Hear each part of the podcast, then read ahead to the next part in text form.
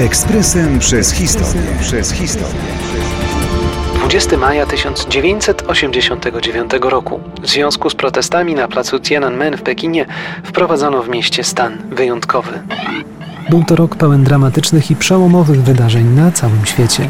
Europa Wschodnia powoli wydobywała się z mroków komunizmu ale to, co tam się działo, w pewien sposób wpływało na inne części globu i tam rezonowało. Sytuacja Chin była jednak specyficzna, choćby z racji położenia geograficznego. Kraj ten został przeorany przez komunizm w inny sposób niż państwa europejskie.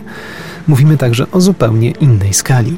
Niepokoje na Placu Niebiańskiego Spokoju zaczęły się jeszcze w kwietniu 1989 roku, kiedy to studenci manifestowali ku czci zmarłego sekretarza generalnego Komunistycznej Partii Chin.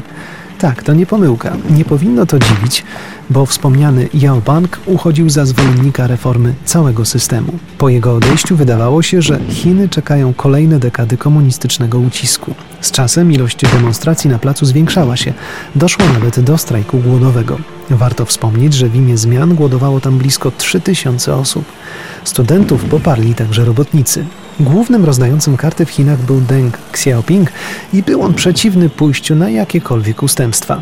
Co ciekawe, powoływał się na sytuację w Polsce, gdzie jego zdaniem reżim poszedł z opozycją na zbyt dużą ugodę. Jak stwierdził, ustępstwa wiodą do dalszych ustępstw. Władzom protesty nie były na rękę z kilku powodów. Zbiegły się z obchodami świąt państwowych 1 i 4 maja, a także przyjazdem do Pekinu Michaiła Gorbaczowa, który gościł tam od 15 do 18 maja. Mimo spotkania szefa partii ze studentami sytuacja nie uległa zmianie. 20 maja wprowadzono więc w Pekinie stan wyjątkowy. Na początku czerwca władze sprowadziły wojsko, które rozpędziło demonstrantów. Tylko według oficjalnych chińskich danych zginęło 241 osób, a 7 tysięcy zostało rannych. Inne zewnętrzne dane mówią o tysiącach ofiar. Ekspresem przez historię. Przez historię.